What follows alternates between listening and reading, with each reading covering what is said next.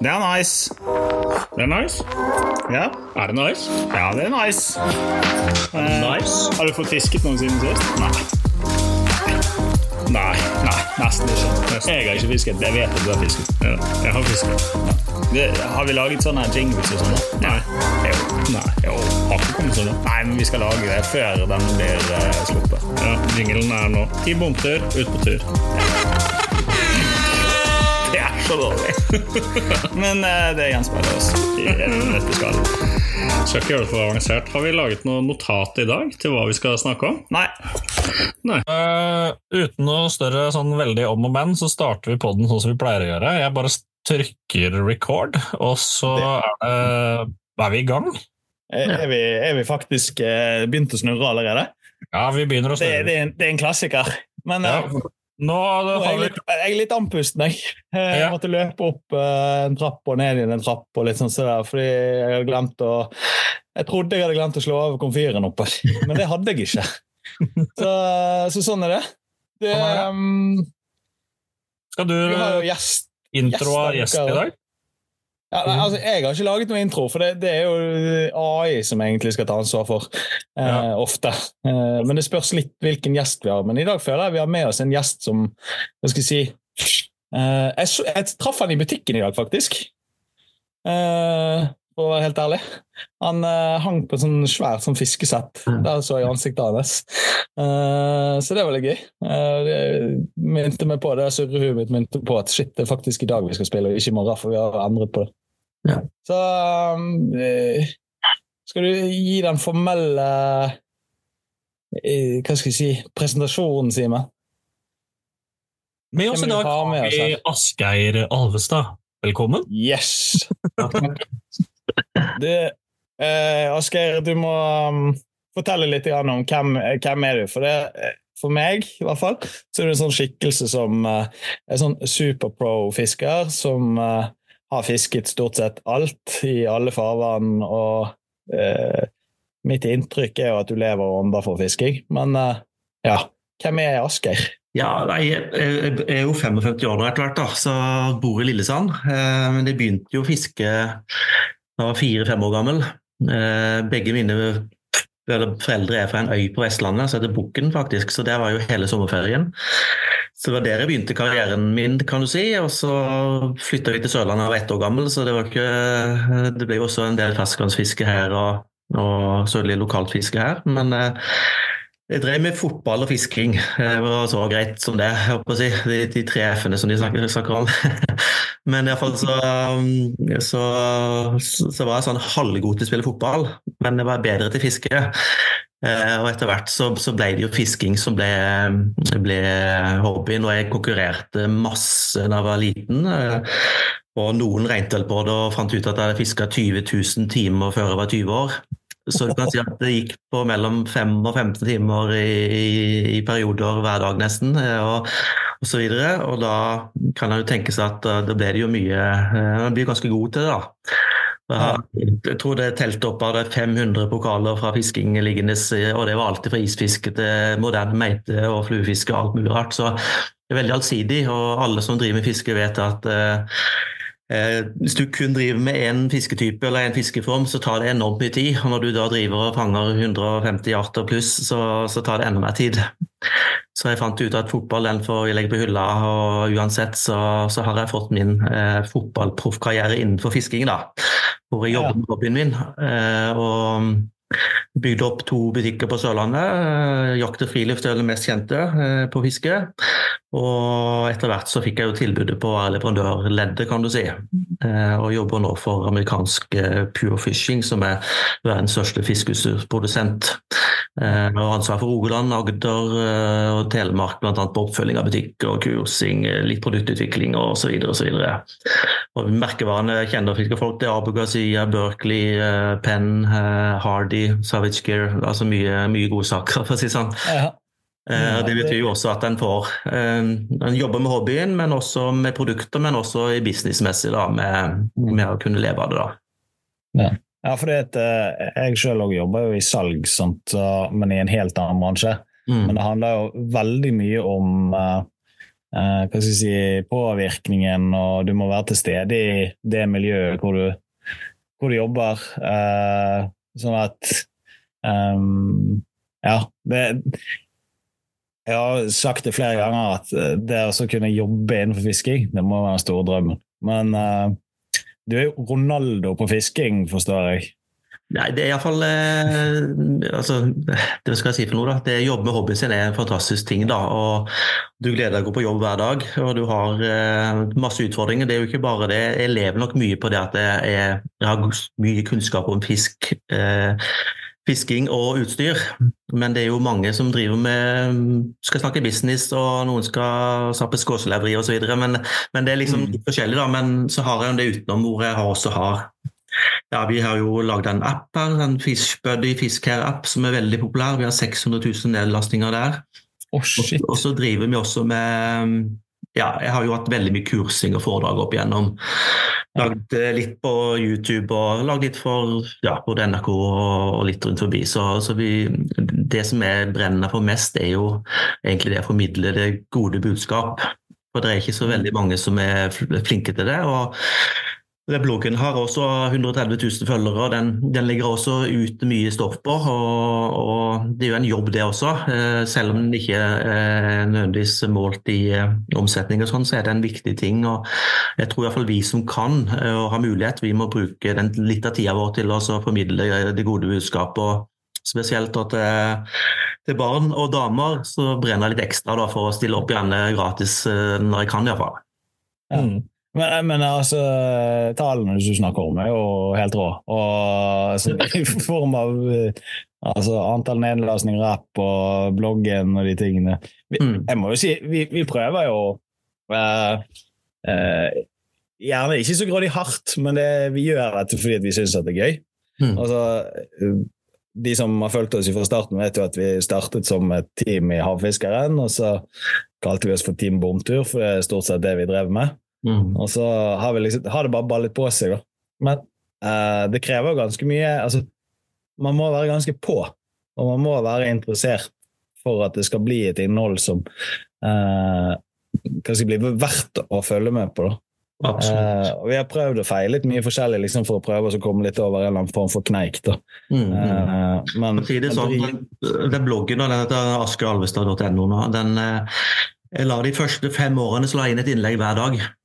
Så det ligger jo 2000 innlegg der, for å si sånn. Så det er klart at kvaliteten er jo ikke så, så, så god, men det handler litt mer om at, at, det skal skje noe da, på sånne sosiale medier. Nå er jeg jo litt for gammel til å være helt i toppen der, men det er litt sånn det, også, det må skje noe. og Jeg poster heller en gang for mye enn en gang for lite. og På Instagram min så er det jo mye ombruk osv., men det er jo en eh, tanke bak det også. da. Eh, mm. skal ikke nødvendigvis være helt kult og helt nytt, alt sammen. Det er mer at det skal skje et eller annet. og, og Da treffer en også mye folk til slutt. da.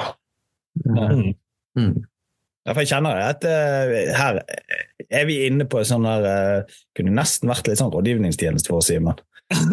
ja, det, det, går fra å være en eh, fiskepodkast til rådgivning med hvordan bli fiskemedia. ja. Eh, men jeg vil eh, trekke det ganske fort vekk fra den verden, og så over i en imponerende artsliste på artsfiske.com. Ja. For jeg har Har du vært og stalket nå? Ja, jeg stalker jo alt jeg kan på ja. internett. Simen er mannen over Excel-arkene mellom meg og han. Ja, eh, Noen her driver og fører statistikker sånn, i forhold til havfiskeren for å prøve å gjøre det best mulig der. og Der har jo også bloggen kommet opp flere ganger i forhold til eh, tips og triks på forskjellige arter osv. Men hvordan i alle dager finner du motivasjonen til å nå Nå er det 154 registrerte arter. Mm. ja, altså, Artsfiske er en hobby i hobbyen i kveld. Ja, og Det er vel det jeg setter mest pris på innen fiske. Altså, jeg har reist til Cuba og fiska med flue 25 ganger. Eh, og vært på ja, fiska i 40 land, eller noe, men det er altså fiske forskjellige og nye arter. Det gir meg mer enn eh, mye annet. Og det har litt med at det, du trenger masse kunnskap. og Det er jo skrevet 100 bøker om ørretfiske, men det er jo nesten ikke skrevet bok om en kutling, liksom. Men du kan egentlig skrive 100 bøker om den også. Og skal du lykkes med å ta de her artene som folk flest ikke vet hva som finnes engang, så, så må du ha kunnskap. da. Du må vite hvor den bor hen, og når på døgnet den spiser. Og, så videre, og, så og da er jo det en utfordring i seg selv.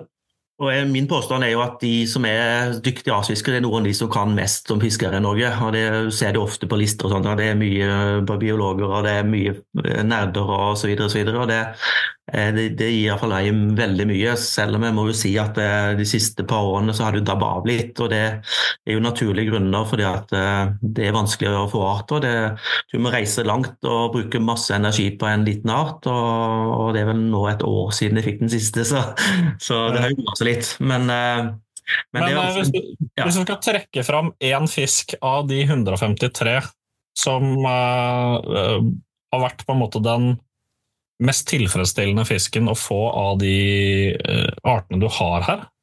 Altså, Du har jo fisket ansjos med krok, liksom. Altså, det, er det som jeg pleier å, å snakke, snakke om, det er liksom for å vise mangfoldet i Norge. Da. Altså, jeg har jo eh, fått denne håkjerringen på 1100 kilo i kveld, som er den eh, nest største fisken tatt på stang i verden noensinne. Bare slått av en hvithai fra Australia 1959.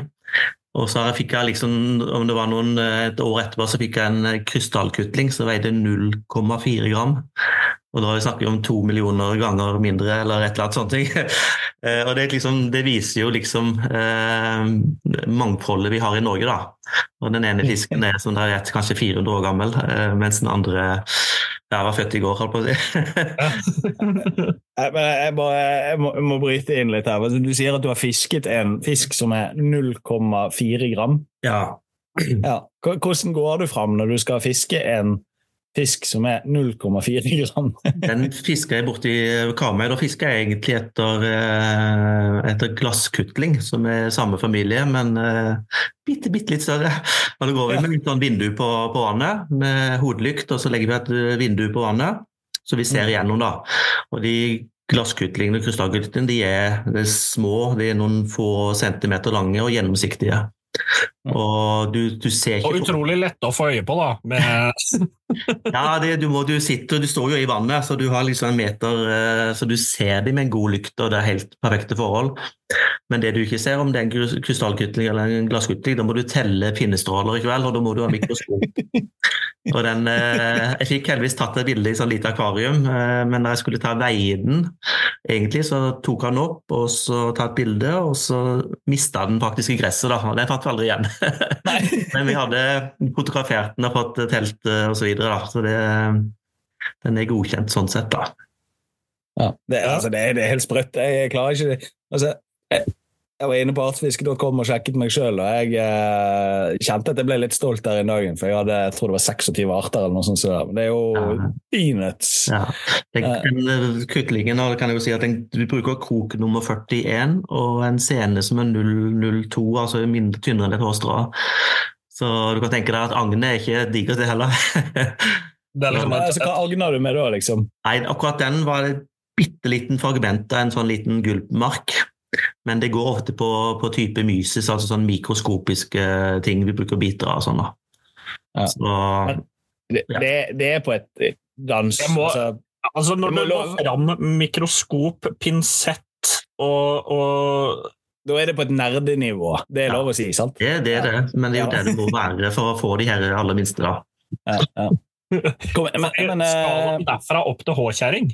Ja, det er jo, det er jo nærding der. Ligger seks dager ute i, eh, i Buknafjorden nå, i, i, kuling og, og, og, så videre. Og fiske på 700 meter. Det er jo ikke bare gjort på en dag, det heller. Nei, men, men altså um, Ja, nei, jeg blir, blir litt sånn målløs. Uh, fordi, ja. ja. Uh, det, er såpass, det er såpass seriøst. Men, men altså, ja, 150 Hvor mange var det vi kom fram til, sa du? 54. 154. Er det mulig å, altså Hvor mange arter er det mulig å få i Norge, hvis vi skal ta det sånn? Nei, eh, 160 er iallfall innenfor rekkevidde hvis jeg bruker mer tid enn jeg gjør nå. Da må jeg reise til spesielle plasser i landet hvor han går og, bruker en uke på en fiskeart f.eks. Eh, det går. Jeg har eh, noen foran meg som jeg kan gjøre. Det handler bare om å prioritere det. og Nå har jeg ikke gjort det på en stund, for det er ja, så mye annet som skjer. Men ja. Og så er det jo ting oppe i nord, da. Eh, om du kommer opp til eh, helt Nord-Norge og Svalbard, og sånne ting, så er det en god del arter som ikke folk ennå har tatt tak i. da. Eh, Mm. Så, så at du kan fange en eh, 20-25 arter til, det tror jeg nok. Og så er det de her få sydhavsfisken som kommer innom, det er en litt verre skål, da. Men, men eh, ja. Men det, det skjer noe til helgen, Simen. Nå skal vi fiske, fiske noen gode fisketips. Fordi at ja, og, og siden vi var inne da på artsfisk.com, som eh, nå tar vi en sjefsavslutning på denne poden her. Den slippes i, i morgen, altså 25., sånn at det fortsatt er tid til eh, Eller er er fristen gått ut allerede? Det må jeg sjekke. Men i utgangspunktet er eh, NM i sjøisfiske eh, 2014 eh, går av stabelen nå eh, lørdag 21.1. Og fristen for påmelding er i dag, onsdag Ja, han er det, ja? 3.59, så vi må faktisk prøve å få publisert i dag. ja det, Uansett. Uansett. Eh, vi lager underholdning her, så vi kan ikke være for praktisk. Eh, eh, NM i artsfiske. Vi skal fiske i Bergen og omegn. Eh, det var jo egentlig NM i sjøisfiske, og så har det jo vært et sånt fortryllende fint vær, eh, sånn som vi er vant til i Bergen. Eh, så all sjøisen som vi hadde, den er borte. Så da har de åpnet opp for å fiske kystmeite, eller brygge og land, i tillegg til is. Mm. Eh, jeg har satt meg et mål egentlig på å klare ti arter på en dag, men eh, hvordan skal vi gå fram for å Eller hvordan ville du satse? Så det som er tingen, er jo det at eller, Det her kjenner jo du til, men sånn som jeg har forstått det, så er en, den lengste fisken innenfor sin art gir 100 poeng. Mm. Og så deles det opp i prosent uh, under der, fra 0 til 100. Uh, men hvis vi eh, skal fiske noen litt sære fisker, da, som er lett å få den eneste av den arten, da får du 100 poeng. Altså. Mm. Mm. Eh, Hva skulle du satset på på Vestlandet? Nei, altså jeg tenker jo altså, det Jeg pleier å si til alle, og det er uansett om vi skal konkurrere eller ikke, det er, altså, det er ingen fisk som spiser metall.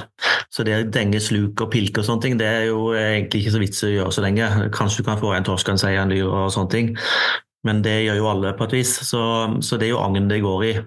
Mm. Og et annet tips er jo at små kroker kan få stor fisk, men digre kroker får du aldri små fisk med, for å si det sånn, i hvert fall sjeldent. Så Det å dundre til med, med små kroker og sånne ting, eh, og litt forskjellig agn på et type paternoster tackle, eller du har jo ferdige sånn surfcasting tackler osv. Eh, ja, og mye, mye av de kommer jo ferdige også. Du kan få kjøpt de ferdige, eller du kan lage de selv. Eh, men type 2-0, 3-0 og 4-0-størrelse og sånne ting, så, så er det jo kun de her store artene som, som du får på de. Eh, skal du fange litt mer Ja, 2-0, da får du bare de store artene, ja. Ja, eh, da er, da er du i stor, altså. Ok, ja, ok. Ja, altså, det er klart du, du, du kan jo få noen til å gape over. Altså, tenk på flyndrefiskene våre, da. Så, så er jo Ja. det på grensen, vil jeg si. Eh, Du har kanskje noen av de større glassvarene og en gapflyndre og kanskje en rødspette som er heldig, da. men skal du ned på alt som har med tunger og ja, små, mindre arter, så, så er jo det kanskje ned i størrelse 6 og 8 og mindre også, faktisk. da. Ja. Og du låser Men, kunne eh, få en torsk på 10 kilo på det, liksom. Ja, ja fordi at eh, på 2-0-krokene der er jo standardoppsettet mitt eh, fra Seberg. Ja. Eh, Shallow pastanostere. Og Det, det er jo 2-0-krok på. Eh, jeg tenkte jo at det var det små fisket, da. Ja, ja, ja. Nei, vi driver jo egentlig, altså Det som er en fin løsning, det kan være rett og slett en sabiki. Eh, du vet hva sabiki-hekle er? Det er liksom et ferdig sånn et eh, hekle med krok ned i 14 og 16 og sånne ting. Stemmer det? Og så har bitte smang på den. Eh, det er ofte litt vanskelig for, for, på reker og sånne ting, men en liten terning av en eh, F.eks. en litt makrellbuk og sånne ting. Mm. Kjøre på fem-seks kroker med det. Jeg vet ikke om det er noen restriksjoner der med antall kroker og sånn, men det er vel seks kroker maksimalt? Ikke Ja? Tre, tre stenger per mann med seks kroker per snøre. Ja, ikke vel. da kan du jo kjøre på her. og Da er det liksom en sånn sabikehekle med seks kroker med bitte små agn på. Legge det ut på sanden, og da kan du plutselig få en Det er jo innenfor en syv-åtte minst kutlingarter alene. Og alt mulig annet. Og jeg får jo, har fått piggvar liksom på én til to kilo på sånne småkroker. og alt av knurr og ja, alt som lever i de områdene her, da. Og så er det selvfølgelig også spredd det her eh, på litt forskjellig dyp og flytte seg ofte, tror jeg. Det er ikke noe vits i å stå på en plass i timevis, liksom. Jeg tror jeg heller ville brukt, også, brukt å finne de forskjellige biotopene. og så er det jo sånn at De forskjellige artene de trives på forskjellig bunn. så Fisker du på sand i to-tre timer, så ville du jo brukt eh, noen timer på litt mudder og litt stein og litt forskjellig, da, sånn at du treffer de forskjellige biotopene der de forskjellige fiskeartene lever. Mm.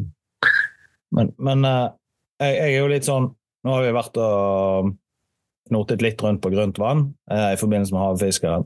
Mm.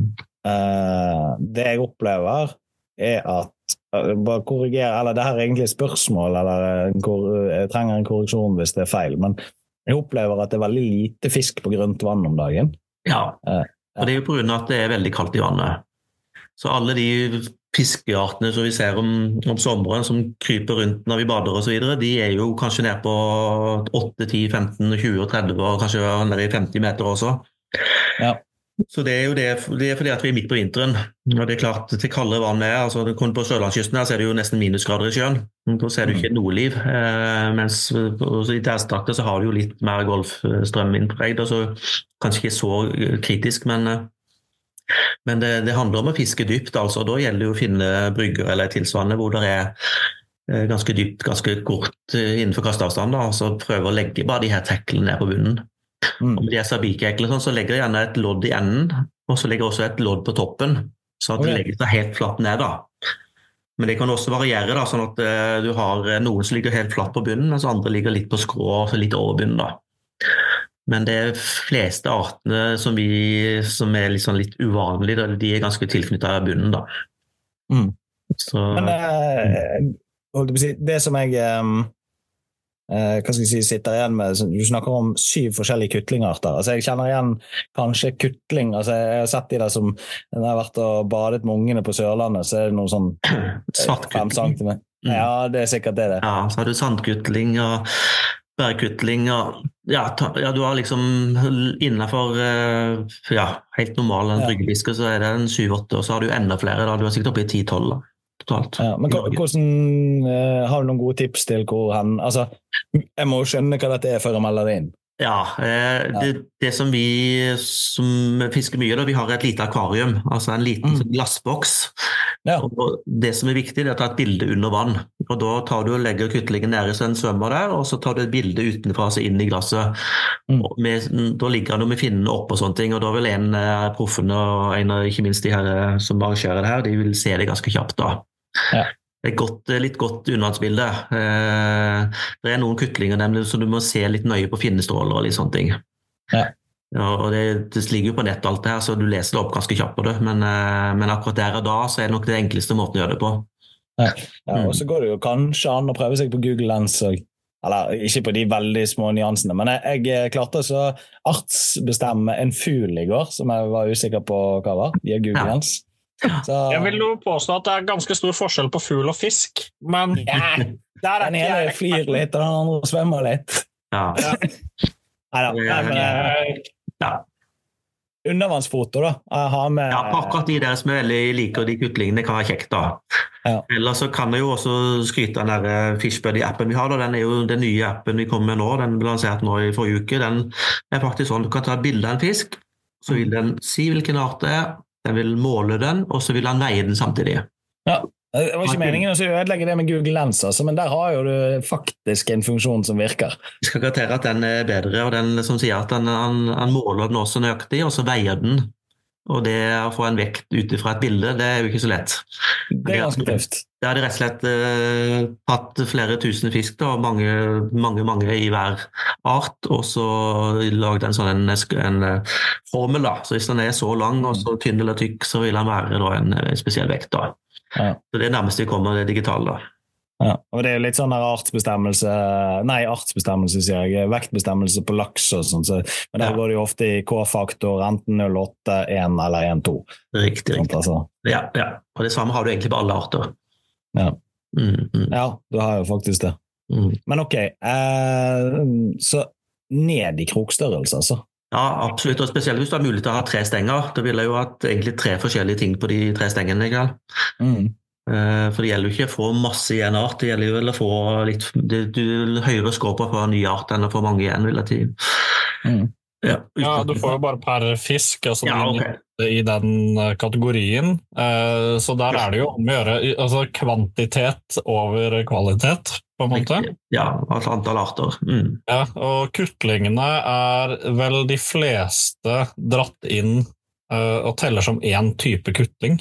Ok, ja. Eh, og det er 30 poeng på kutlingen, mens det er 100 poeng på andre. Så litt fokus på kutling, ja, hvis du trenger noe kjapt. Mm. Eh, Ja, det, ja for du får, ikke, du får ikke på 14 arter kutling, altså. Nei.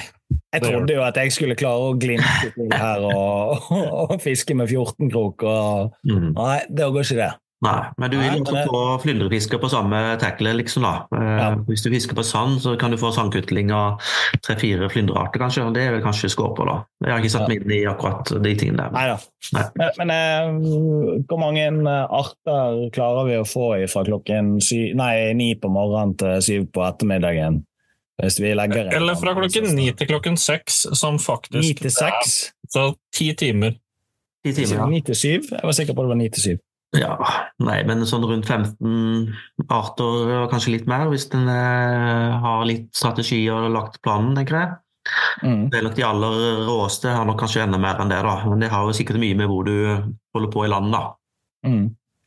Jeg vet ikke helt hva de vant på i fjor og sånn, men eh, Nei, altså jeg tror de som ligger eh, Skal du være i toppsjiktet her, så må du opp i 17, Ja. 18-19 Altså du må Du må et stykke opp. Ja, ja. Mm. Vi snakka om det en gang, og det som får 24 arter på 24 timer det burde være en ganske grei sak, da. Hvis den er rette plassen. ja. Jeg skjønner at noen har bedre kontroll og fiske enn oss, Simen. Ja. Ja, altså At vi er ræva på fiske, det er jo litt av poenget med denne podkasten. her også, fordi Ja. etter hvert her nå så blir vi gradvis og gradvis bedre og bedre å fiske. Mm. For sånn som meg personlig, jeg har én fisk registrert på artsfiske.com. Seriøst? Ja. Jeg, jeg gjorde en liten innsats og førte inn, uh, førte inn liksom litt historisk av de Hva skal jeg si uh, De som jeg har vært litt stolt av, da. Uh, Ja. De som jeg husker. Og så har jeg liksom ført på litt sånn underveis. så. Ja, nei, jeg har en, eh, en halv skjellbrosme, holdt jeg på å si. Det er vel eh, det eneste bildet jeg har, eh, har lagt inn av en, den sjeldneste arten jeg har fått, på en Mm, måte. ja. Ja. Men ok. Mm. Eh, andre konkurranser, så nå er vi litt inne på det som skjer i helgen. Men eh, vi har altså, podkasten vår har dreid seg veldig mye om havfiskeren. Fordi vi liker veldig godt konseptet havfiskeren. Mm. Eh, det er arter der som er på en måte velkjente. Og så er det utrolig gøy å plage Daniel Andersen i begynnelsen av konkurransen, når han ikke lå først, men jeg lå først. Eh, nå har han jo tatt meg igjen, da, så det, det, det er varte jo bare tre timer. Ja, men Ja. Ja. uansett hvor lenge det varte, han har ikke leda hele året. Nei, Nei, det har han ikke. Eh, men, men hva andre konkurranser? Så hvis vi, skal, nå, vi, vi- har jo lyst til å vokse på oss det greiene. Eh, veldig mye av fritiden vår dreier seg om fisking. Så liksom sånn, Gjennom året, hva andre konkurranser bør man liksom få med seg og delta på? Sånn, hva syns du er kult? Nei, altså, jeg, jeg må jo bare si det for min egen del. Jeg konkurrerte jo sinnssykt mye før jeg har vunnet Norgescupen i Havfiskforbundet og sånne ting mange eh, ganger. Og, og ja, vært med på mye, egentlig alt mulig. Men da jeg fikk barn nummer to, så måtte jeg bare ta et valg og slutte. Og det er egentlig eh, eh, veldig bra, for jeg har ikke så mye mer å bevise, føler jeg. Da, at det, da, var- da drev du liksom hver helg på konkurranser og sånne ting. Så det var egentlig deilig å slutte, da. Eh, så det er liksom motsatt vei, da. Så jeg skal liksom inn og, og vinne alt til slutt. Nei da. Ja, men jeg fikk, jeg fikk barn nummer to, og så begynte jeg å fiske. Så jeg vet ikke helt om det er et godt tegn. Nei, men altså, barn nummer altså tre og begynte å fiske. ja, ja, ja. Nei, men det er jo mer og mer digitale ting, og jeg kan jo også si det bare med den appen igjen, at vi lager jo nå en konkurransesak inni der, hvor du lager din egen gruppe. Hvor du kan eh, registrere fisk eh, online si, bare med å ta bilde av fisken, og så gjør- gjør appen resten. da. Så Det kan du faktisk sette opp på din egen eh, familie når du er på hytta, eller du kan lage en litt større gruppe, eller hva som helst. Um, Men jeg syns jo det at alt som har med det å fange mest mulig arter, er mye bedre enn, en volumsfiske, da. og det har litt Mm. med trenden i tiden. altså før så reiste jeg opp til Sørøya, så fiska vi 500-600 kilo per mann på en dag. Ja. Og, sånn kan vi ikke holde på i lengden, liksom. Eh, men når du får betalt for å få en ny art istedenfor for volumet, så er det eh, iallfall mer etter min smak, da. Så Mm. krever det mer kunnskap og mindre flaks. Ja. Um, Kan Så- du bygge opp på det på en måte? Altså, ja, ja, så må du faktisk utvikle horisonten litt, da. Eh, utvide horisonten litt på, på, på de artene som du ikke er så flink på, da. Eh, så må du ha mer utstyr, selvfølgelig, og så må du ja, alt så videre. Så, så alt det med artsfisk.com er jo genialt, egentlig, hvor du også kan konkurrere på, på korte perioder eller på spesielle arter eller hva som helst. Og så kan du krype opp, på- opp på listen der ganske enkelt da, hvis du er litt seriøs. Men, men jeg ble litt interessert Side- nei, nå, sidespørsmål. Oh, ja. Sidespørsmål i appen. Man hadde ikke klart å få til en registrering inn i artsfiske.com samtidig? Eh, det er nok eh, sikkert mulig. Eh, det er nok litt mer teknisk eh, vanskelig. Eh, og Da måtte vi gjort et samarbeid som gjorde at det fungerte godt. Så, så, så langt er jeg ikke kommet ennå. Den er jo helt eh, ny, akkurat den der funksjonen vi har nå. da. Ja, men eh, det er tips fra meg for å få Ja. folk som meg, som i utgangspunktet fisker aktivt, men det er enda et sted og et enda et ledd i å registrere ting, som gjør det Neika inn der litt vanskeligere. Ja, Ja, ja, man, gidder ikke, da, ofte. Ja. Det er det du sier, Simen? Det er det jeg sier. Mm. Bli lat, eh, registrer fisken ett sted, og så er det er det godt nok, ikke sant? Ja. Ja, ja, ja. Men, men, men eh, den appen eh, Jeg ble nysgjerrig, for jeg har ikke um, Jeg har ikke brukt den. Jeg har ikke sett den. og Jeg har hørt om den. Jeg Ja. beklager. Ja. Men, eh, Ideen, ideen er litt artig, for jeg begynte jo Han som er, var næringssjef i Lillesand, en som heter Trond Arione, han, eh, han spurte om jeg kunne lage et kjøretkart sjøørretkart for Lillesand. Som turistene kunne bruke, litt sånne ting. Hvor det var litt i forskjell forhold til årstid. altså Hvor kjørte man vinteren, vår, høst og sommer. Og det gjorde jeg på en kveld. altså Jeg brukte et par timer på det, så la jeg 50 plasser her. eh, De beste plassene rett ut, og så fikk han den. Og da spurte han er det mulig, liksom. Ja, det er jo det jeg kan her i livet, kan jeg si. og ja, Kan du gjøre det med andre arter? Ja, ingen problem. Og jeg kan gjøre det i hele landet, det er ingen problem det heller. For vi vet jo, det er jo ikke hvis du har drevet på på en CV, så vet du at de forskjellige artene lever på forskjellig bunn, hvor de er på forskjellige årstider osv. Så, da slutta han faktisk som næringssjef her og begynte å få tak i investorer og sånne ting, og, og lage den appen. da. Så vi er nå eh, fire ansatte, iallfall fire-fem ansatte på fulltid. Og vi har håndtegnet 55 000 fiskeplasser i Norge og 25 arter. Og Da er det mange som tror at det her er bare noe en maskin gjør, eller et men vi sitter da og håndtegner. Eh, lager et program som gjør at vi tegner for hånd. Eh, en som heter Tom Jegra og meg har gjort det. Unnskyld. Og da gjør vi det sånn at de tegner f.eks. fra et, et fylke til et fylke, liksom. Og så har vi da, i tillegg til at vi har gjort det for hånd, så har vi også fått en lokal, noen av de beste lokale fiskerne til å se over plassene. Så det er ikke noe vi Ja. bare sitter Vi har også kvalitetssikra det på et vis, da. Ja. Og det har vi også lansert nå både i Danmark og Sverige, Tyskland og Nederland.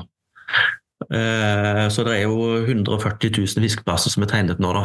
På ja, 140 arter, faktisk. Så, Ja. så det er liksom eh, den. Og I tillegg så har vi gått på ferskvann, så nå har vi også laget satellittkart faktisk da, på, på dybde og sånn på over 100 000 ferskvann. Så, så det Det, det ligger jo litt arbeidstimer i dette. Ja da. Det er klart at Du kjører innover en skogsbilvei inn i sand og ser til høyre, så kan du faktisk trykke på vannet på appen, så kan du se hvilken arter som finnes der. Ja. Men eh, det som eh, du sikkert har fått spørsmål om før, som jeg bare tenker sånn fordi I fiskemiljøet så er det sånn ehm, Hvis man finner en gromplass, så skal man holde kjeft, og så skal Mm. man ikke fortelle det til Det er sånn nesten på det nivået at Simen ikke forteller Eller det, ref virkeligheten. Simen har en plass i dag som han nekter å fortelle til meg, Ja. som vi snakket om i dag. Da. Det er hvor han skal fiske i helgen. Ja. For vi er, vi er på hvert vårt lag i helgen. ja, ja. Ja, men det er, vi, det er en god grunn til at vi er på hvert vårt lag. Og det er Du det er fisker bedre, du fisker bedre når du konkurrerer mot meg, jeg fisker bedre når jeg konkurrerer mot deg, og jeg fisker alltid bedre enn deg når jeg konkurrerer mot deg. Ja, Men Jo, ok. historisk sett. Historisk sett. Jeg er bad... Jeg skal bade i sjøen jeg, hvis jeg taper. For alle som har fulgt med oss litt, så har jeg endt opp i sjøen lille julaften. Men uansett. eh, Tilbake til det med å, å blåse Ja. pusser, da. Fordi vi har noen, noen, noen få som, mm. som syns det her er bare noe dritt, og mm, får fingeren omtrent i kveld. Eh, Og det er, For meg så er det sånn egoistopplegg, da. Hvis ikke du er villig til å dele ting, så er det fordi du er egoist. Og den plassen har du også fått i gang i kveld. Noen ganger så kanskje funnet selv også, men det, det å dele fiskegleden og, og sånne ting, det, er- det er veldig positivt. Og det som skjer faktisk, det er at det, i fjorden utenfor Lillesand da, så visste alle at den plassen der, kjempegod plass. Nå har de 50 plasser å velge mellom. Så det som skjer, det er at folk får mange flere plasser å fiske, fiske i samme fjord, så du sprer fiskepresset istedenfor at skal, alle skal gå på samme plassen. Ja, for det, det var liksom altså, Jeg skal ikke være kritisk, jeg bare Nei, nei, nei, er løfter altså- at, eh, Jeg vet at det er et tema. Ja. Og, men men eh, det er jo veldig logisk det som du sier, med at du får Ja. faktisk spredd fisketrykket utover. Ja. Eh, vi har jo en, eh, vi har flere eksempler på hvor overfiske har ødelagt deler, liksom. Ja, ja. Jeg har jo selv sånn vært med på, på Feie utenfor Bergen i kveld. Når vi fant steinbiten, som er sånn det klasseeksempel i kveld, hvor det kom folk fra hele ja, halve Sverige og halve Norge for å si, og lå 25 båter på de her eh, steinbitplassene. eh, Og det er klart, det kan være et problem, men har du enda flere steinbitplasser, da, kanskje 200 til, så er jo det faktisk positivt. mm, Eh, Problemet er jo ikke at du forteller fiskeplassene, problemet er jo at det er ingen regler i Norge for noen ting. Du kan jo eh, gjøre hva du vil, eh, og hvis ikke du fisker opp noen med stang, så kan de sette 2000 garn der. Eh, Ja. Så det er jo ikke det, er ikke det at du sprer fiskeplassen som er problemet i Norge, det er at vi har ingen forvaltning. Nei. Ja, Det er jo fryktelig synd. da. I resten av verden så har de faktisk en forvaltning. I Norge er vi et fiskerinasjon hvor ja. fisk er mat. Ja. Og det er som jeg sier, at fisk er mer enn mat, eh, og da må vi passe på ressursene. og Det er ingen grunn til at noen skal fylle en båt med, med kveite eller steinbit. Det er bare tull. Og det er der, det er, jo der vi er. Og det er ingen som passer på oss. mm. Det, jo, altså, det burde vært mulig å få det til, på en måte. Det som jeg hører som argument veldig mange ganger uh, når jeg prater med folk om akkurat det der, er at uh, ja, det er ikke vits i å regulere det på sjøen, fordi at man har ikke kontroll på folk ute uansett. Men så kan du se til uh, jakt, f.eks., i fjellet. Eh, det er ingen som har kontroll på om jeg tar fem ryper eller to ryper. Nei. Men når reglene ligger der, så er majoriteten av folk såpass oppegående og eh, hensynsfulle at eh, jeg tror nok det ville vært en kjempestor fordel å si, sette noen rammer. For folk flest hadde jo oppført seg rundt det. Og, og i alle andre land i verden så er det jo oppsyn. Vi har jo ikke oppsyn i Norge. Det er noen få som slenger rundt. og Blir du tatt med hummer eller et eller annet, så får du jo 10 000 i bot og gjør noe feil der. Men eh, fisker du her eh, Jeg har et kjempegodt eksempel. Fjorden utenfor Lillesand der har vi noe som kalles eh, eh, torskefredning. Mm. Og alle ting så betyr det Det er fra 1.1. til 31.4. Og det er en sånn de tror torsken gyter av. da. Og da har de forbudt alt fiske. Og Det betyr at den fjorden her ute, og pluss masse andre fjorder på Sørlandet, nå, så er det sånn at eh, når det var is, så var det jo folkefest der ute. Eh, og det var hundrevis av mennesker. Det var nær, mest nærliggende fjorden vi har her. Og våre nye landsmenn står på bryggene og fisker hele dagen. Og det er, det er litt forbudt nå, da, for de skal frede én art. Ja. Og, og grunnen til at de, de Det sier er fordi vi ikke har oppsyn. da slipper vi oppsyn i kveld. Og så er det vi altså er allemannsretten og vi som ble ødelagt for det. Men rett før de stengte fjorden så var det over 100 grader i fjorden, eller og rett utenfor. Ikke vel? Så du begynner liksom Du blir bare så irritert. Og, og, og i andre land også så, så vet jeg at vi har veldig sterke organisasjoner som jobber for sportsfisken. Mm. I, i, vi har masse eksempler hvor, hvor yrkesfiske blir forbudt. Eh, Iallfall sånne redskaper som gjør at du ikke du kan eh, skille mellom fiskeartene, altså garn og not og trål og sånne ting. Men i Norge så er det motsatt. De stopper sportsfiske og fritidsfiske, og så lar de yrkesfiskerne få dispensasjon. Mm. Ja, Så- der er, Jeg skal ikke- jeg skal ikke- Tidligere eh, Atle Høydalen har jo vært med her eh, i podden tidligere også. Det er ikke veldig mange Det er vel et par dager siden han postet at I danskene var i gang igjen nå og tråler kveite i fredningsområdet. Ja. På grunn av et smutthull i en eller annen dustete Ja, og nå har de bare opp på svensk side ikke vel? for der har de Ja. en gammel eh, regel. Ja, ja. Så Så, det, det, eh, ja. Og det, så det som er, er, så eh, Norges Jeger og Fisk gjør jo en god jobb, men vi er ikke på ballen når det kommer til de litt mer moderne tingene. og En av grunnene er bl.a. at vi catch and lease er jo i, i, i prinsippet ikke lov i Norge. Målretta catch and lease i kveld. Det, jo, og det er jo Mattilsynet som har eh, bestemt at det også eh, pine fisk unødvendig. Det er noe som ikke er lov til. da. Mens i andre land så er det motsatt. Da vil de at vi skal sette ut fisk eh, som vi fanger for å beholde bestander osv. Så, videre. Mm. så vi kan liksom gjøre hva vi vil med en fisk. Eh, drepe den på alle forferdelige måter når vi skal spise den etterpå. Men skal vi slippe den ut igjen, da kan vi ikke tape den nesten. og Det er liksom forbudt. Så det, vi ligger så mange år etter alle andre land nesten. Og vi har ikke et forbund eller en, en klubb som kan gå inn og dunke på døra og kjenne politikerne og få de til å skjønne det, for det er jo politikerne som styrer det her. Mm. Og jeg husker da jeg var i, Danmark og besøkte sjefen for danske sportsfiskebyen. Han kom ut med en T-skjorte. Stopp, eh, stopp oppdrett. Det var det viktigste jobben han hadde. Det var altså å jobbe inn mot politikere. Få de til å skjønne hva som er viktig. Vi må ta, holde skarbestanden nede. Vi må ikke oppdrett osv. Det var hans viktigste jobb. I Norge så er det ja, det, vi, vi er ikke på ballen, altså. Vi, vi har i hvert fall ingen gjennomslag. Og det kan vi jo se på oppdretts og så videre. Men ja, det er mange tøffe tak. Men det ja, derfor tenker jeg at det å kunne spre det gode budskapet og få folk til fisk, og det med den appen, da, som jeg sier, den er jo ikke, den er jo ikke lagd for en superfisker. Den er lagd for en, en, en, en normal ungdom i dag. Vet du. Han, han vet jo ikke hva en fiskestang er engang. Eh, og så Faren hans vet heller ikke. at Når de skal på hytta, så vet du ingenting. Og Da blir det ikke fisk. Men kan de gå ut på en app og så finne en makrellstim eller en plass der er hvitting, så, så har de en, en ting de husker resten av livet sitt. Mm. Men det får de ikke oppleve hvis ingen hjelper de da. Så jeg tenker at det er mye viktigere at vi kan beholde og få rekruttere fiskere og gjøre det litt tilgjengelig for de som ikke er så flinke. Hvis ikke så blir vi bare en gjeng med nerder og idioter til slutt som sitter på og holder på med det her, og da er det jo ingen som bryr seg om sportsfiskere, iallfall. Nei.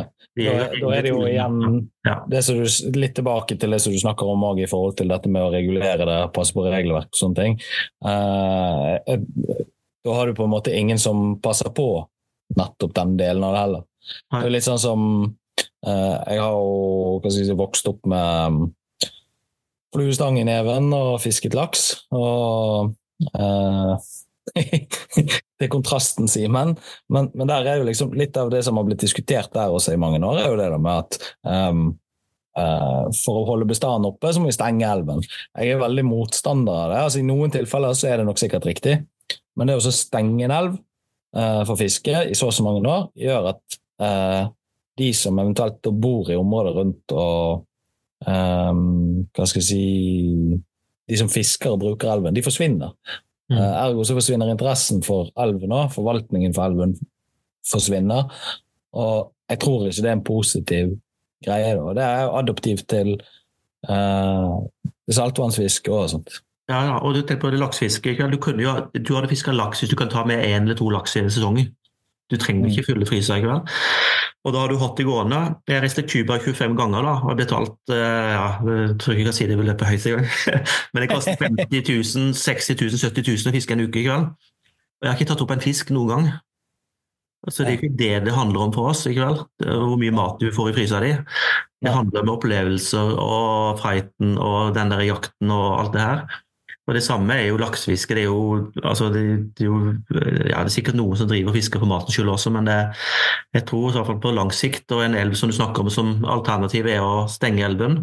Ha den åpen og kunne ha cash release, mer eller mindre. Men det er jo en, eh, de har jo fått det til da, på akkurat laks, men eh, det er i prinsippet forbudt. da. Ja. Ja, altså, man kaller det forskningsfiske. Så, Ja, et eller annet sånt. Ja, ja. Det samme fjorden her nå, da, som ingen kan bruke. Eh, vi kunne jo hatt en release på torsk, for det er ikke dypere enn 40 meter. liksom. Så er det en regel som sier at torsken skal ut igjen uansett, sånn som det er egentlig da øst for Telemark og til svenskegrensen, så, så er ikke det noe problem. Uh, Dødeligheten er spesielt om vinteren veldig veldig lav. Mm. Så De har de også forska på, til og med, men, men det er det prinsippene som gjør at det Og så er vi en, eh, dessverre en gjeng med tullinger som ikke har noe altså Politikerne ja, de, de sportsfiske det er en rar uh, liten gjeng, da. Ja, ja. Ja. Men um, vi har uh, noen faste spalter. Altså, jeg tenker vi skal runde av uh, litt det med Vi har hatt noen episoder der det går liksom litt typisk inn i dette med hva skal si, miljø og vern og Ja, ja, ja. og alt sånt. som det. Går igjen Uh. Altså det, men jo mer og mer seriøse sportsfiskerne blir, jo mer og mer tar de dette på alvor.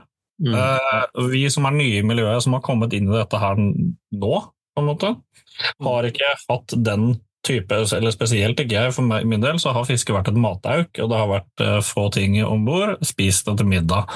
Flott. Uh, sånn at uh, jo mer og mer seriøs du blir med hobbyen din, jo mer og mer tar man jo ansvar for sin egen hobby, på en måte, Mhm. Man har lyst til å lære bort det til andre, og snakke om det og gjøre ting ut av det. Så, så jeg tror det faller litt som naturlig eh, progresjon i vår egen del også. Mm. Så, så det er jo litt sånn spennende sånn sett. Eh, Men eh, faste spalter eh, Vi har jo noen sånne vi pleier å gå gjennom, og da pleier vi å starte med Har du fiska den siste uka, Asgeir? Ja, faktisk. Jeg var ute på søndag, en liten tur uti her. Nå har vi fått så mye snø og is og dritt her nå at vi måtte ut en liten tur for å se om det var noe torsk. Eh, Og jeg skal ut i morgen faktisk også. Ja. Så, um, så da ble det litt sånn klassisk båtfiske med å se om det er. Og da tar jeg med meg en torsk hjem altså, og litt sånne ting. Så da er det litt sånn Ja, det er jo ikke så mye å få tak i midtvinters her nede på Sørlandet, så da, da tar vi og ser om det er litt fisk på, på dypet her ute. Med båt. Og det er sånn å si at De fleste har båter på land her på Sørlandet nå, så når jeg kommer ut med båt nå, så er det liksom, er jeg litt alene på havet nesten. da. Det er litt deilig. Ja. Ja. Eh, Vi opplever det jo litt sånn her også, men så, så har det jo skjedd noe i Ostafjorden de siste par årene. Uh, der er folk mer på sjøen på vinteren nesten enn på sommeren. Ja, riktig, riktig. Du har den trafikkruta som går inn til Bryggen i Bergen. Uh, den kommer på sommeren, men eh, så har du på vinterstid så er det liksom innover igjen. Altså innover i fjordsystemet. Det er det gøy. Ja, så gøy, så gøy. Ja. ja. Du da, Martin? Har du fiska? Eh, veldig, veldig lite, men jeg har fisket. Eh, jeg har fisket en av de berømte mm, rottefiskene igjen, regnbueørret. De har begynt å komme tilbake igjen fordi de mistet eh, antageligvis 128 000 fisk oppe på Mjømna i en rømning der for litt siden. De har begynt å spre seg rundt i alle viker, så det var litt dritt. Uh, utenom det så har jeg fått en uh, sandflyndre, har fått eh, mikrovitting, fått Altså, de var så store. Um, altså fem centimeter, liksom. Ja. Nei, hva annet har jeg fått? Jeg har ikke fått noen poengtellen i havfiskerne. Det har liksom vært det som har vært målet. Eh, Ja, og det må jeg jo si, det gjelder det samme for meg også. Denne uka her har vært altså så utrolig dårlig poenggivende uke. uh, at det er rett og slett litt flaut, og det gjør jo at Jørgen Fuglesås og, Daniel eh, stikker fra ja, det er eh, med noen gode knep. Og det er jo også ganske irriterende sånn i utgangspunktet. Ja. Uh, det, det skal vi gjøre noe med fra og med neste uke. ja, altså fra Fordi det, lørdagen så blir det Da er det jo uh, Fisker du i NM, så kan du fortsatt registrere fisken i havfiskeren også. Ja. Uh, sånn at det, Men jeg hadde en diskusjon der med min lagkamerat i forhold til NM, om vi skal fokusere på det lange løpet, altså om vi skal legge fokus på havfiskeren og tenke at vi skal bruke tiden der til å også fokusere på havfiskeren, men det har vi slått fra oss og sagt at vi skal kun fokusere NM-fiske i utgangspunktet for å gjøre det litt det skal jeg like å se med deg og Frode i helgen, altså. Jeg tipper det. Frode har liksom Han sier nok det, men jeg tror nok at uh, han har havfiskeren friskt i minnet til helgen. Ja, men vi skal gjøre noe men, nytt. men det tar oss litt inn i neste. For det at, et hva skal man fiske neste uke? Eh, holdt å si, eller kommende periode, da. Ja, men det har vi jo allerede vært litt inne på. Asgeir skal ut og fiske torsk. Og Ja. jeg Hvis mistet det er fortsatt is, da, så vil jeg prøve litt på Røya, kanskje, hvis det er noe muligheter. mulighet. Oi, der kom dere tilbake! Ja, Du, og snak, du må være stille når du skjønner at du Jeg, jeg datt litt ut, Nett. jeg. Ja, du må være stille, da, for ellers så driver du og lager støy inn i denne veldig profesjonelle podkasten vi driver og lager her. Beklager. Ja. Men Asgeir, som eh, Pure Fishing-representant, så regner jeg med at når vi nå kommer inn i neste spalte, som er denne ukens utstyr, Mm. hva vil du trekke fram som Hvis du skulle valgt ett utstyr for dette må alle ha, eller dette er noe revolusjonerende, eller dette her er veldig gøy og spennende, Skal du begynner å trekke fram utstyret nå, Simen? Det var jo jeg som gjorde forrige uke. det stemmer. Det har blitt en joke. Beklager Wills. Ja. Og det som er morsomt nå, der, der må vi faktisk stoppe den der i to sekunder, fordi i utgangspunktet så blir det her en sånn kontinuitetsfeil. Fordi den der spøken med å trekke ut utstyret, den kommer jo ikke nå før neste uke igjen. Så vi, vi, vi, vi har spilt inn ting litt feil rekkefølge. Ja. All right. Men ukens utstyr. Eh, Har du et utstyr du vil Ja, jeg lagde akkurat et innlegg nå på, på bloggen som vi lanserte nå på ja, en dag eller to siden. Og vi har kommet med en ny eh, båtstang. Det heter Penn eh, Battalion Solid. Og Det er en ny serie med båtstenger fra Penn som er lagd med tre typer karbon som er lagd på en, eh, en ny, helt ny teknikk som gjør at de er så å si uknekkbare. Og de er superlette og lekre og smekre. Altså, før så var det sånn at fikk du tak i uknekkbare stenger, så var det øglestikk og Beachmaster og sånne ting, men det var masse glassfiber i de. Men nå har vi lagd en helt ny teknikk, en helt patentert sak. Man blir også kåret til best nye båtstang på FTX for 2024, så, så den eh, bør folk inn og se på de skal ha en ny båtstang. Og der er både lette light-jiggere til eh, kraftige kveitestenger, liksom, så det, det den, den er virkelig fin, altså. Er det en av de du vil trekke fram sånn allround-stanga, eller er det Ja, altså Det er jo en åtte-ti modeller her, så det er litt avhengig av hva du skal holde på med. da. Men jeg har vært, i fjor var jeg tre turer på Sørøya faktisk, og testa de. Og Da var det jo alt fra det her eh, fantastiske rødspetefisket vi hadde, til, eh, til kveite og, og så også skrei om vinteren. da. Så du må liksom stå i stil litt til det, til det du har igjen av snøret. da. Men det er egentlig talt. alt. Men det som er spesielt, er at de er mye mye lettere og mye mye sterkere enn det du har sett før.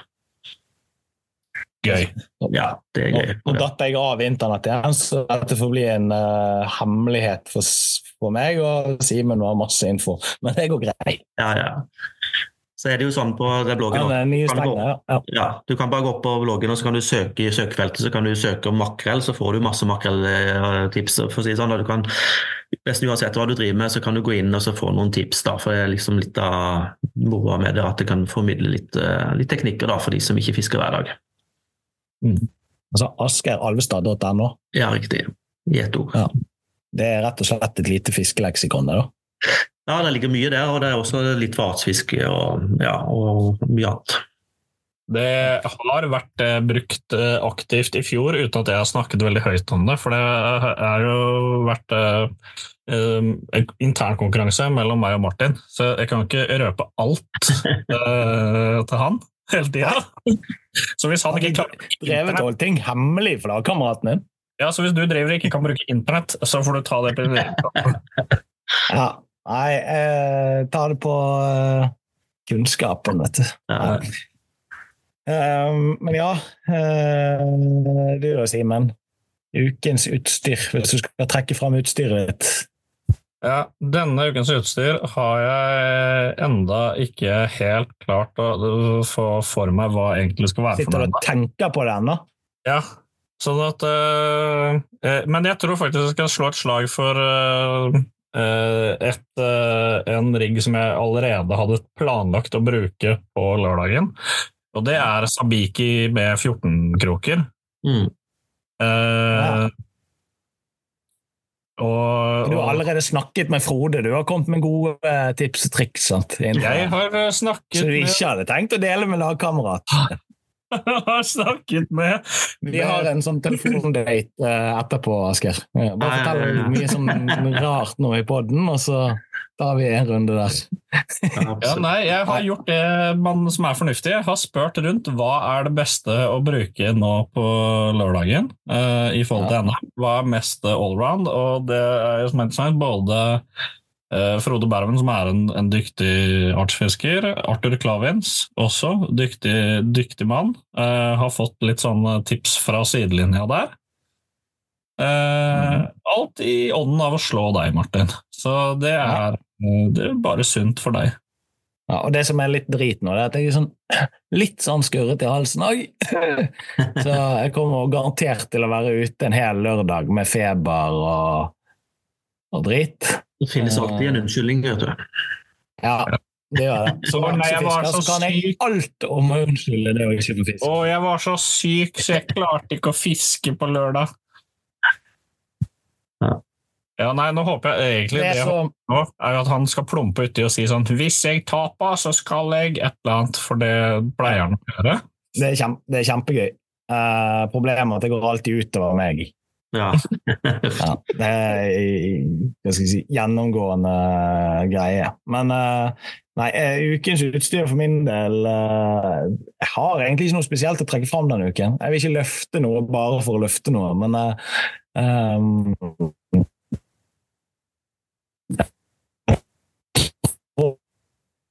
Nå er Martin ute og internettet seg igjen. Så det er tydelig at den kjelleren trenger en, en god oppgradering. Eh, rett og slett. ja, så ut som man må ha litt bedre Ja, nei, nå blir den helt borte. Ja. Men det vi, han får eh, snakke om utstyret sitt på Insta. ja, jeg må Vi gjør sånn her, vi muter deg, og så tar du på Der forsvant den helt, så det var veldig greit. Men vi kan jo ta også en sånn siste ting vi, vi pleier å komme med litt sånn bardust i, i slutten av podkastene. Er jo i utgangspunktet en Hvis du øh, Nå har du stjålet denne fra meg. Ja, hvis du har en Ja. oppfordring til alle sportsfiskere der ute Du kan eh, snakke så lenge du vil, men du kan komme med liksom din appell til uh, enten hva som helst i forhold til, til alle sportsfiskere i Norge, rett og slett. Ja, nei, det har jeg ikke tenkt noe gjennom, da. Men jeg, for min egen del, da, og det er jo kanskje til flere som gjør det til bedre, kanskje at det med å få med barn og også det andre kjønnen med ut og fiske. Det tror jeg er fryktelig viktig, altså. Eh, og på litt lang sikt, så at hvis vi bare blir færre og færre og mer nerdete og nerdete, så blir jo det her mindre interessant eh, å beholde den naturen under vann eh, i kveld. Sånn at eh, det altså ta med noen ut på fisketur, og samtidig lære de som er nye, det med cash analyse. Vi- Så at ikke vi dreper hobbyen vår av den grunn, for det er jo ingen tvil om at det blir ikke mer fisk i havet eller i, i vannet våre. sånn at eh, vi må lære det at en fisk er mer enn mat. Så det å kunne ta fisk til litt mat innimellom, det har vi muligheter til i Norge, men også sette ut fisk vi ikke skal spise, uten at vi må slutte å fiske. da. Det er jo eh, ja, det er nok en, eh, en generasjon som er i ferd med å dø ut, som har vært helt mot det. Og, men jeg tror eh, til og med et barn skjønner at det er fornuft. Eh, og så må vi få altså, de politikere og andre til å skjønne det også etter hvert. Men, eh, men eh, ta med damer og, og barn ut og fiske, og så lær de Cash Alice i samme slengen, så, så tror jeg vi har en fremtid. Det høres veldig bra ut. Der er du lyd på deg igjen, Marte. Ja, jeg måtte jobbe litt med noen internettbokser. Ja. Men eh, jeg har jo jeg har eh, fikset meg nytt internett. Eh, Men min bror han var litt treig. Han skulle komme bort med trekkefjør, og sånt. jeg fører en kabel hele veien ned i kjelleren. Han skulle sitte sånn antennesak i taket. Ja. Så det, det blir neste gang. Det blir neste gang. Mm. Ja, men eh, tusen takk for at du tok deg tid, Asker. Jeg vet det er en Liverpool-kamp som står på trappene. Ja, det er jo eh, fotball og fisking vet du, det går i. Ja, så vi skal ikke ta, ta tiden fra det. Jeg ønsker alle lykke til i NM i helga, når den tid kommer. Lykke til, skittfiske. Mm. Skitt fiske. Det er nice. Det er nice. Ja, Er det nice? ja det er nice. Eh, Nice. Har du fått fisket noen siden sist? Nei. Nei, nei, nesten ikke. Nesten. Jeg har ikke fisket. Jeg vet at du har fisket. Ja, jeg har fisket. Det, har vi laget sånne jingles og sånn?